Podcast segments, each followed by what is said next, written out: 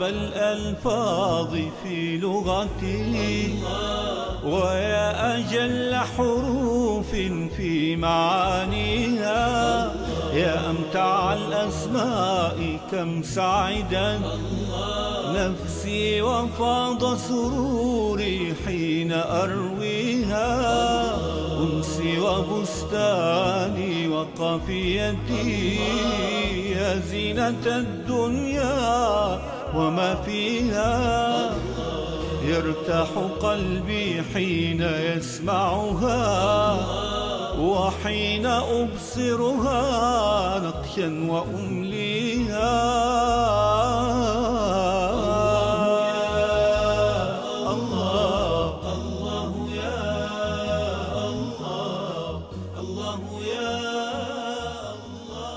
منذ كنت في صغري لم أتجاوز الخامسة بعد. كان أول شيء حفظته من ربك. ربي الله. قلبي الصغير كان يعرفك يا الله ويؤمن بك. كنت أستشعر وجودك في كل مرة. إذا رفعت فيها اصبعي فيها إلى السماء وأشير إليك. قبل كل هذا كان اسمك أول اسم يدخل في تجاويف أذني منذ لحظة ولادتي. حين أذن والدي في سمعي فانسكب اسمك في قلبي وأشرقت به روحي وتنفست به رئتاي. حبا لك وتعظيما وانقيادا. يا لعظمة اسمك الذي ولدت به ونشأت عليه وما زلت أسير إليه. يا الله.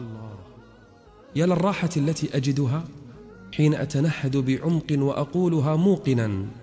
لا إله إلا الله. لا إله إلا الله. الله. أكبر. ويكبر اسمك داخلي. كلما تقدمت وجدتني أقترب منك. كلما ضعفت وجدتني أتقوى بك. كلما رجوت وجدتني عند بابك أطرقه. حتى أصابعي تشهد حبك يا الله. حين أعقد التسبيح والتكبير والحمد فيها سبحان الله. والحمد لله. والله أكبر. وأزيد وأزيد. علني أبلغ رضاك. يا الله. الله يا الله الله يا الله. أعظم الأنس الأنس بالله عز وجل. كان أحد الصالحين يكثر الجلسة لوحده ذاكرا مناجيا لربه فقيل له ألا تستوحش؟ كل بروحك قاعد. قال وهل يستوحش مع الله أحد؟ الله. ما تلذذ المتلذذون بمثل ذكره جل جلاله.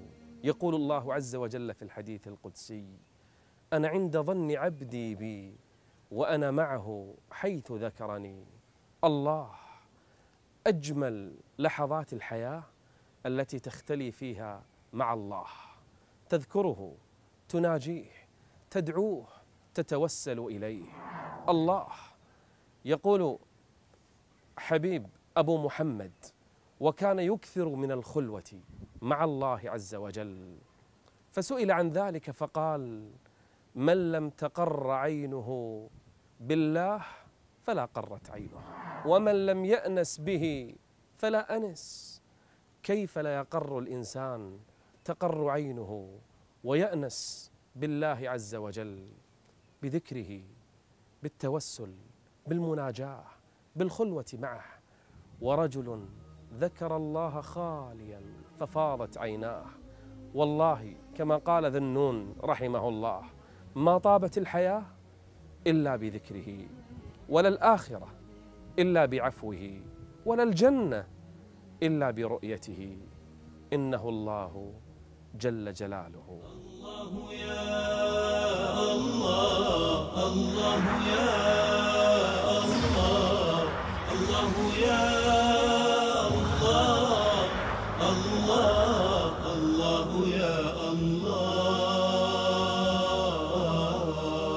الله جل جلاله ما أعظم هذا الاسم.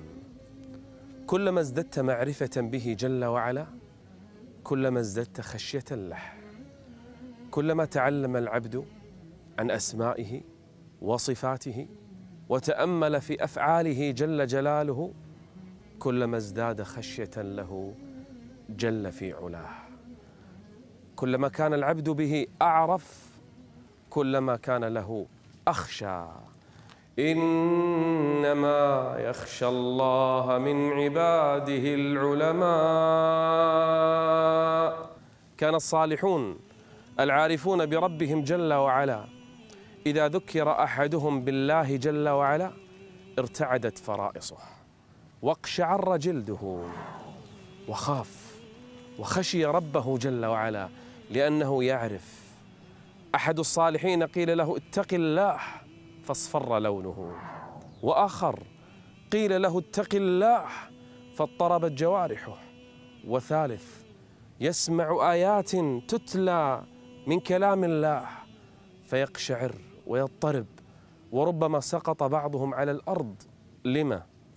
إنما المؤمنون الذين إذا ذكر الله فقط إذا ذكر الله عز وجل عندهم يعرفون من هو الله يعرفون أسماءه, أسماءه وصفاته جل في علاه.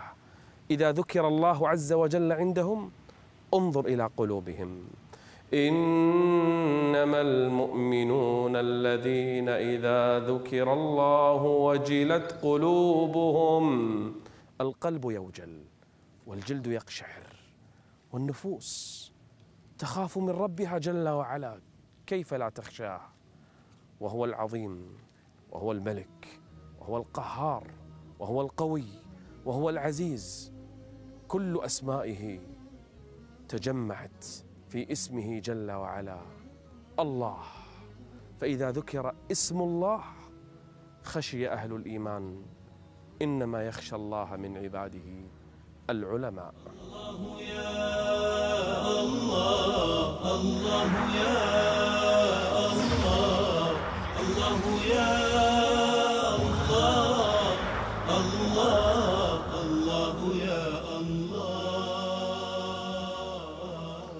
يا الله لا أحد يحب المدح والحمد مثله جل جلاله.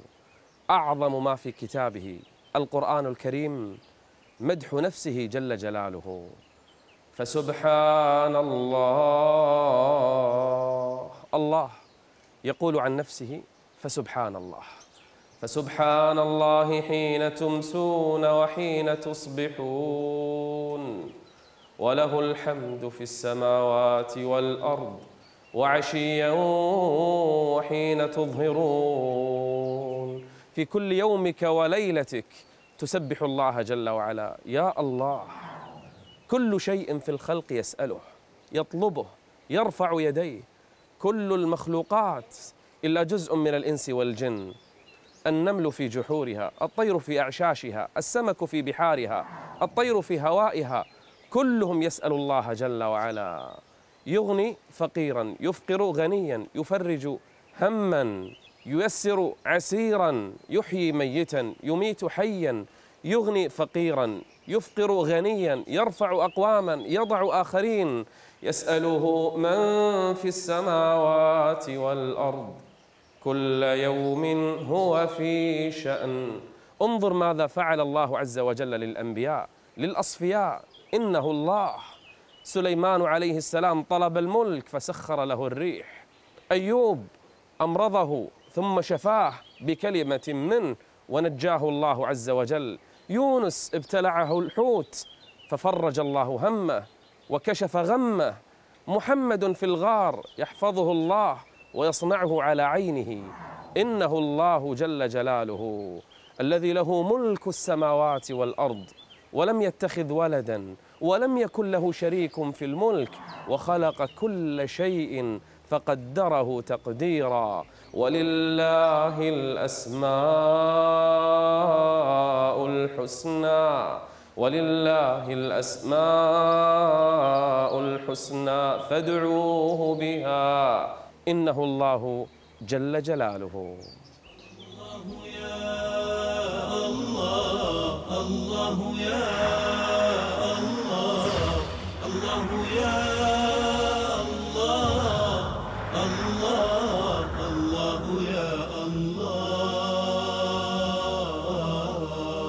يقول ابن القيم رحمه الله كان ابن تيمية أحيانا يخرج من بين البيوت إلى الفلاة إلى الصحراء يقول يناجي ربه ويذكر الله عز وجل ويبكي يقول سمعته يوما يقول لما خرج من بين البيوت وأخرج من بين البيوت لعلني أحدث عنك النفس بالسر خاليا. يقول وإذا به يبكي يختلي بمن بربه جل وعلا. إنه الله. أتعرف ما هي أجمل لحظات العمر عندما تختلي مع الله ولله وفي الله. عندما تكون خاليا فرغت قلبك من كل شيء إلا من الله. تركت الدنيا وحبست نفسك عنها واختلوت مع الله جل وعلا. هذه أحلى وأجمل لحظات العمر. سليمان الدار الداراني رحمه الله. سئل يوما سؤال. قيل له ما أقرب ما يتقرب به إلى الله عز وجل؟ فبكى. قال أو مثلي يسأل عن هذا. تبون تسألون؟ اسألوا غيري. أنا تسألوني عن أقرب ما يتقرب به إلى الله؟ فالحوا عليه. فقال وهو يبكي. قال أقرب ما يتقرب به إلى الله. أن يطلع الله عز وجل على قلبك فلا يرى فيه من أمر الدنيا والآخرة إلا هو. إنه من؟ إنه الله جل وعلا. أبي بن كعب رضي الله عنه قال له النبي صلى الله عليه وآله وسلم يوما يا أبي إن الله أمرني أن أقرأ عليك القرآن. فسأله سؤال غريب. قال أو سماني لك؟ قال اسمي عندك. قال نعم فانهار يبكي. يبكي لأن الله ذكر اسمه. طفح السرور علي حتى أنني من فرط ما قد سرني أبكاني. الله يذكر اسمه حق له أن يبكي. إنه الله جل جلاله. الله يا الله الله يا الله الله يا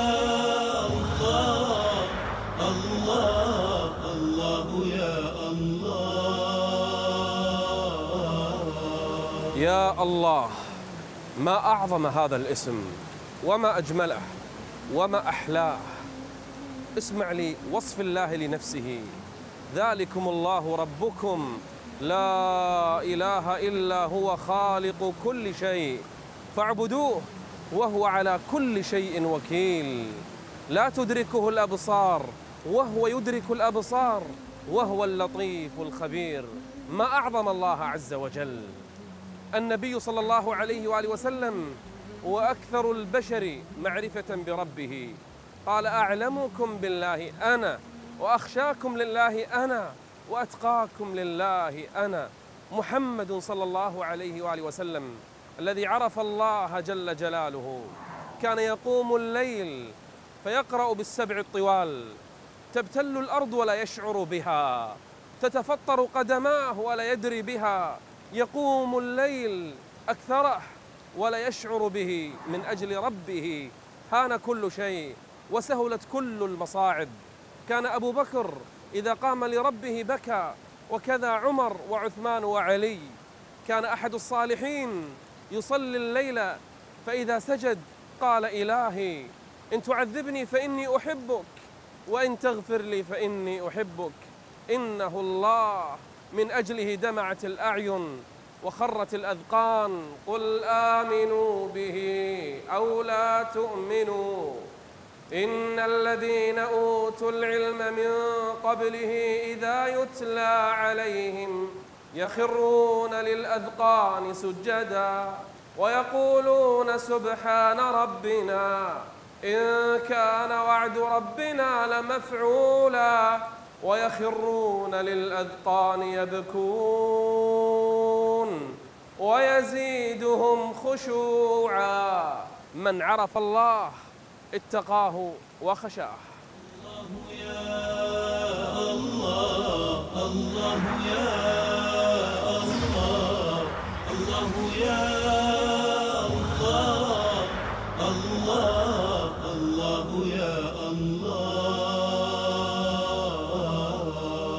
الله أشرقت بنورك السماوات والأرض وامتلأت بك الأرواح المؤمنة وارتوت من عظيم إحسانك النفوس الظامئة الله اسم أعظم تتلاشى أمامه كل المسميات وتضمحل أمام صفاته كل المعاني أجدني يا الله خاضعا لعظمتك منقادا لإرادتك ولمشيئتك فلا إله سواك ولا معبود بحق إلا إياك. لا أعتز إلا بك ولا أتوكل إلا عليك. الله أمام حبك تضاءلت كل المحاب أمام تعلقي بك انقطعت كل العلائق. الله أقرأ وصفك في القرآن فأزداد بك إيمانا. أقرأ آية الكرسي. الله. الله لا إله إلا هو الحي القيوم. لا تأخذه سنة ولا نوم. وأمر في سورة النور. الله نور السماوات والأرض. مثل نوره كمشكاة فيها مصباح. وأرتل سورة الإخلاص. قل هو الله أحد. الله الصمد. لم يلد ولم يولد. ولم يكن له كفوا أحد. وأقرأ كل آية تحمل اسمك يا الله فتزيدني شوقا إليك. في كل وصف لجلالك تجدني أتمسك بك. عند كل مرة أفتتح صلاتي أقول الله أكبر الله أكبر. تصغر الدنيا كلها بعيني وأصبح لا أريد إلا جنتك وقربك وغاية أملي ومناي رؤيتك. يا الله.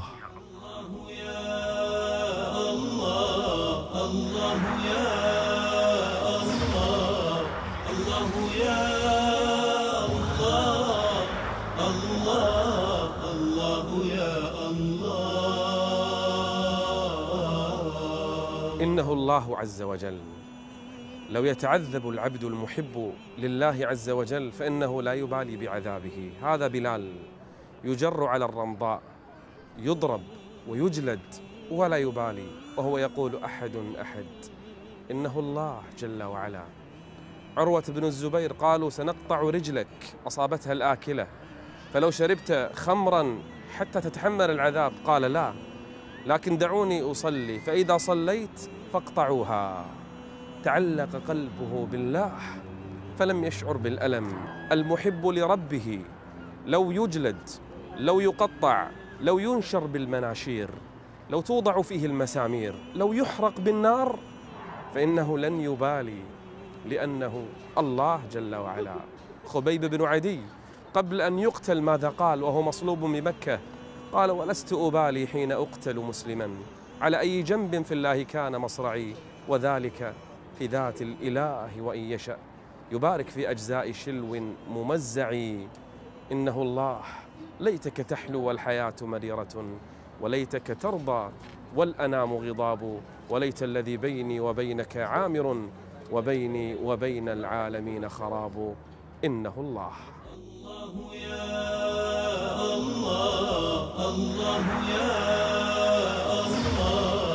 من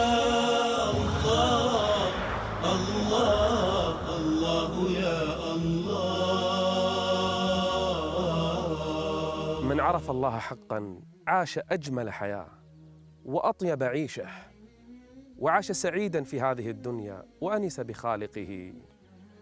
آدم عليه السلام لما أكل من الشجرة وتذكر أنه عصى ربه أخذ يفر ويقطع أوراق الشجر ليستر عورته وهو يفر فيناديه الله عز وجل يا آدم أفرارا مني؟ قال لا يا رب لكني استحييتك يا رب. استحييتك يا رب يا الله. من عرف الله حقا استحيا منه حقا. هذا إبراهيم الخليل لما آذاه الناس وتبرأوا منه حتى أبوه وأقرب الناس إليه خرج مهاجرا إلى من؟ قال إني مهاجر إلى ربي يا الله. أجمل ما في الدنيا أنك تهاجر من الذنوب إلى الطاعات من ظلمة المعاصي إلى نور الإيمان تهاجر إلى الله عز وجل بقلبك. هذا يوسف عليه السلام. اجتمعت عليه الشهوات وتكاثرت عليه الفتن وأسباب الذنوب والمعاصي قد توافرت حوله وغلقت الأبواب. فإذا به يقول معاذ الله معاذ الله. قال كلمة تكسرت أمامها كل الشهوات وانجلت كل الفتن وبزغ نور الإيمان فضاعت ظلمة المعصية وتلاشت. الله من عرف الله حقا لم تضره فتن الأرض والسماء وثبته الله على الإيمان من عرف الله حقا لم يلجأ إلا إليه. كذلك كل البشر وإذا مسكم الضر في البحر ضل من تدعون إلا إياه. إنه الله. الله يا الله الله يا الله الله يا الله الله الله يا الله. أعظم العلوم وأوجب الواجبات. أن تعرف الله عز وجل أن تتعرف إليه وأعظم ما تتعرف إليه به أسماؤه الحسنى وصفاته العلى. أعظم العلوم وأجمل الأوقات ما يقضيها الإنسان في تعلم هذه الأسماء والصفات. ولله الأسماء الحسنى فادعوه بها. ليس لأسماء الله عز وجل حد ولا لأوصافه حد لكن أطلعنا على جزء منها فقط. وإلا فإن له أسماء استأثر بها في علم الغيب عنده. جعل من أسمائه الكثيرة وصفاته العظيمة جعل تسعة وتسعين اسما. من أحصاها؟ دخل الجنة. يا الله!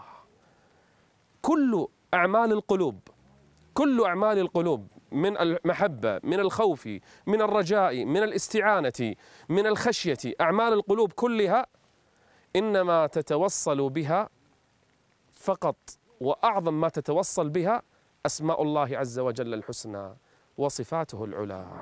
لو قضيت العمر كله والوقت جله في تعلم أسماء الله الحسنى لحصل لك من الخير ما لم يعلم به إلا الله عز وجل. هي أوجب الواجبات فاعلم أي تعلم وادرس واجتهد وابحث في هذا العلم. فاعلم أنه لا إله إلا الله. إن التوحيد لا يكتمل والإيمان لا يصح إلا بعد أن يعرف الإنسان ربه ويتعرف إليه بأسمائه وصفاته. اللهم أرزقنا لذة الإيمان بأسمائك وصفاتك. روحي طموحي راحتي سكني لا أجتني الأنس إلا من مغانيها. أجمل ما نتلوه أحسن ما يروي ضمائرنا طهرا ويسقيها. يا سلوة للقلب يا أملا يرى المحب أفانينا المنى فيها. إن جاءت الدنيا بضائقة فالجأ إليها ففيها ما يجليها.